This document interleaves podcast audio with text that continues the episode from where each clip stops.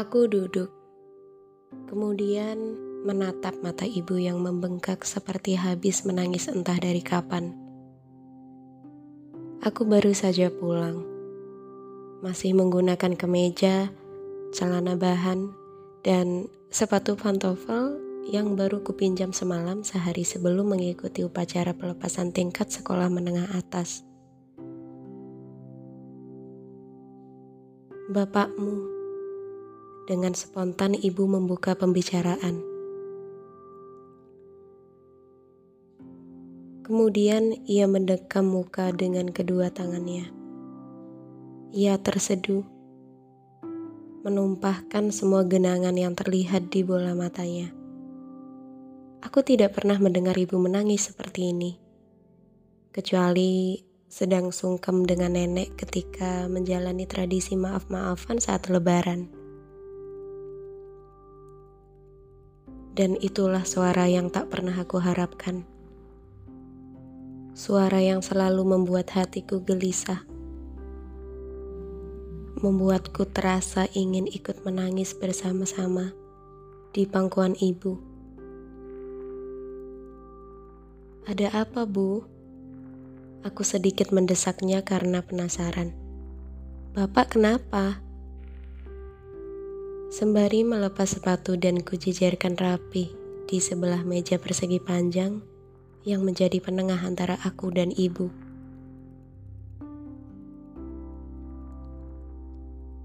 Ia tak menjawab. Lantas aku hanya menunggu. Terasa seperti kecanggungan antara orang yang baru kenal. Menunggu satu sama lain untuk membuka atau membicarakan sesuatu. Meski rasanya itu lebih baik daripada yang dirasakan olehku saat ini. Kebekuan yang sangat janggal antara seorang ibu, anak.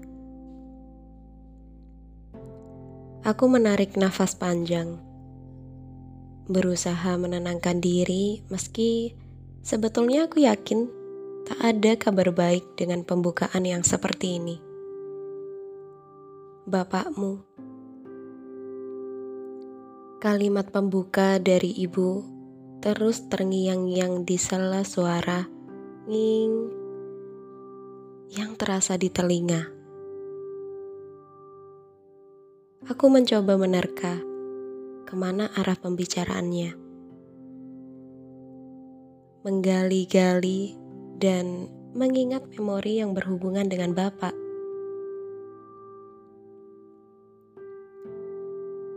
Dua minggu yang lalu, Bapak memang sering membicarakan masalah takdir.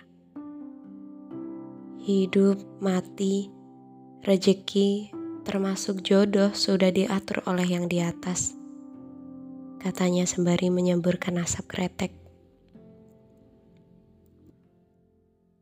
Aku hanya termanggut.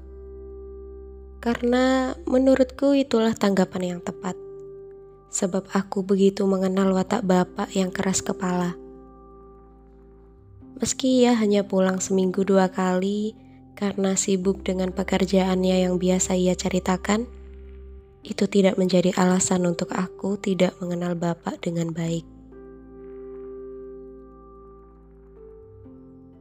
Meski terkadang sudah tersusun kalimat untuk membantah omongannya, aku lebih memilih untuk diam karena pernah suatu hari, ketika aku masih sekolah menengah pertama, aku membantah alasan bapak yang jarang pulang ke rumah karena sibuk kerja. Kemudian dia mencoba menjelaskan lagi dengan bahasa yang lebih mudah dan sederhana. Meski aku tetap menganggap itu tak adil, sebab kebahagiaan apa pun kurang lengkap tanpa sosoknya yang berada di rumah.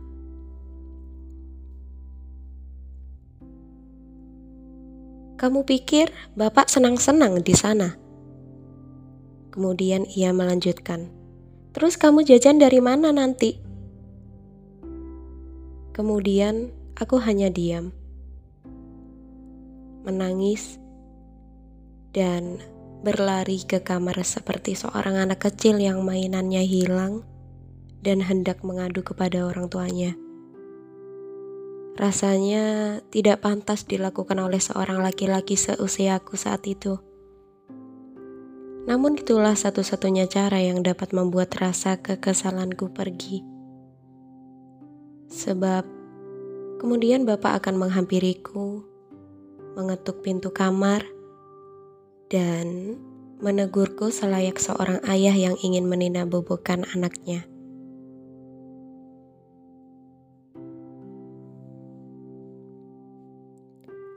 Itulah mengapa aku lebih memilih diam. Sebab tak mungkin bagiku untuk menangis dan mengurung diri seharian di kamar lagi. Setelah bicara masalah takdir, kemudian ia melanjutkan. Kamu harus bisa menerima segala sesuatunya dengan lapang, karena itulah bentuk pertanggungjawaban seorang laki-laki dewasa. Maksud Bapak? Ya, semisal apa pun yang terjadi kelak, kamu harus bisa mengatasinya dengan tenang, pikiran jernih, dan menerima segala resikonya dengan lapang dada.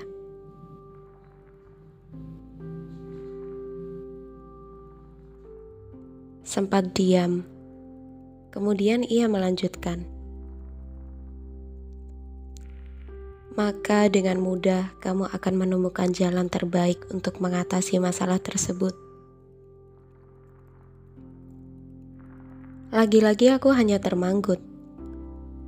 Melihat mulut bapak yang kehitaman akibat noda rokok, sibuk menghisap dan menyemburkan asap kretek sedari tadi. Dan itulah yang dapat teringat olehku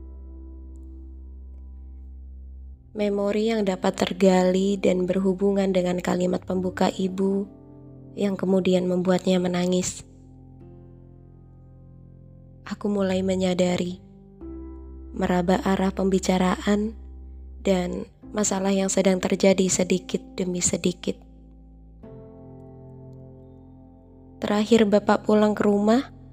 Mereka tampak tidak seperti biasanya. Aku melihatnya seperti kedua patung yang saling berhadapan saja.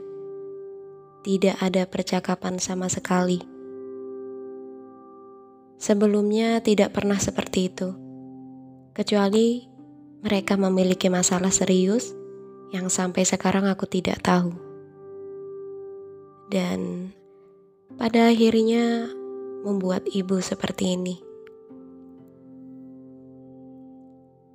Aku menggeser posisi duduk lebih dekat kepada ibu.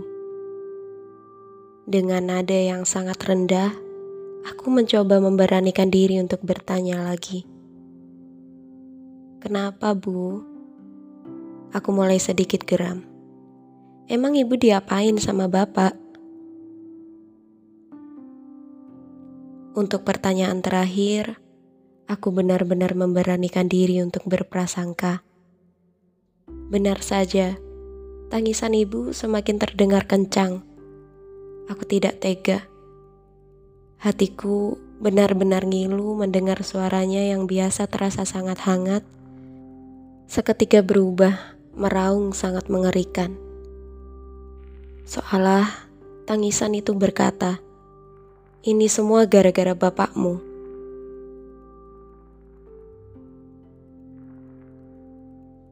Dadaku terasa begitu sesak. Akan lebih sesak jika prasangka itu mungkin benar-benar diiakan oleh ibu. Bu, aku mengulang pertanyaan untuk kesekian kalinya. Menatap wajah ibu dengan tatapan seorang pengemis yang berharap diberikan selembar dua lembar uang ribuan. Bapakmu. Kemudian kami berdua diam. Setelah tarikan nafas panjang ibu yang terbata-bata, ia melanjutkan. Bapakmu nikah lagi. seperti ada sebuah bola yang beratnya bertonton mengayun menghantam dadaku. Bukan main sesaknya. Aku begitu terhenyak. Membeku sepersekian detik sebelum menarik nafas yang panjang. Aku tak berani menatapnya. Meski kami sebetulnya saling tahu, kedua tatapan itu adalah ekspresi paling menyedihkan yang pernah terbentuk di raut wajah kami. Terlebih, prasangka tentang Bapak itu benar. Ibu tahu dari mana? Aku mencoba bertanya dengan tenang.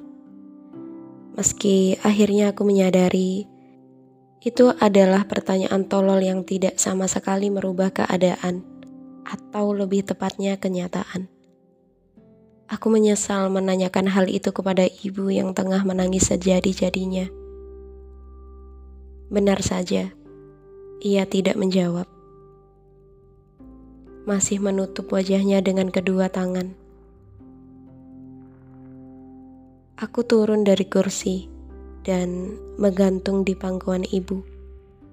Mencoba menenangkan meski sebetulnya aku sendiri telah disusahkan oleh kekacauan yang ada di hati.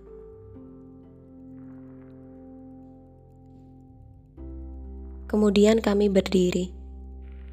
Aku menuntun ibu ke kamar dan membiarkannya tertidur setelah menangis hampir setengah jam. Setelah menyelimuti ibu, aku pergi ke kamar. Di saat itulah bendungan yang sedari tadi menahan air mataku jebol. Dengan cepat jatuh menyisiri pipi. Aku menangis mirip seperti bocah yang terpisah dari kedua orang tuanya di sebuah tempat taman bermain. Bibirku bergetar. Wajahku terasa seperti mengkerut hingga menghilang dan tak akan terlihat lagi. Dan kemudian aku meringkuk di kamar sambil memeluk sebuah guling yang ada di kasur.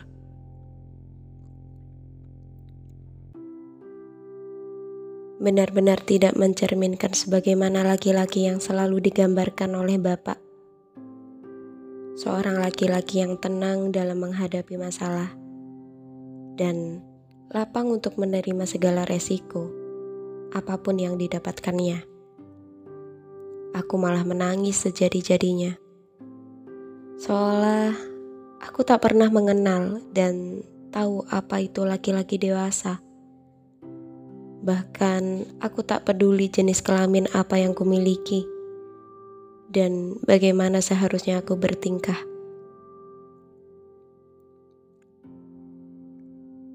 Yang aku inginkan adalah ketukan itu ketukan yang biasa Bapak lakukan ketika aku sedang meringkuk menangis di kamar.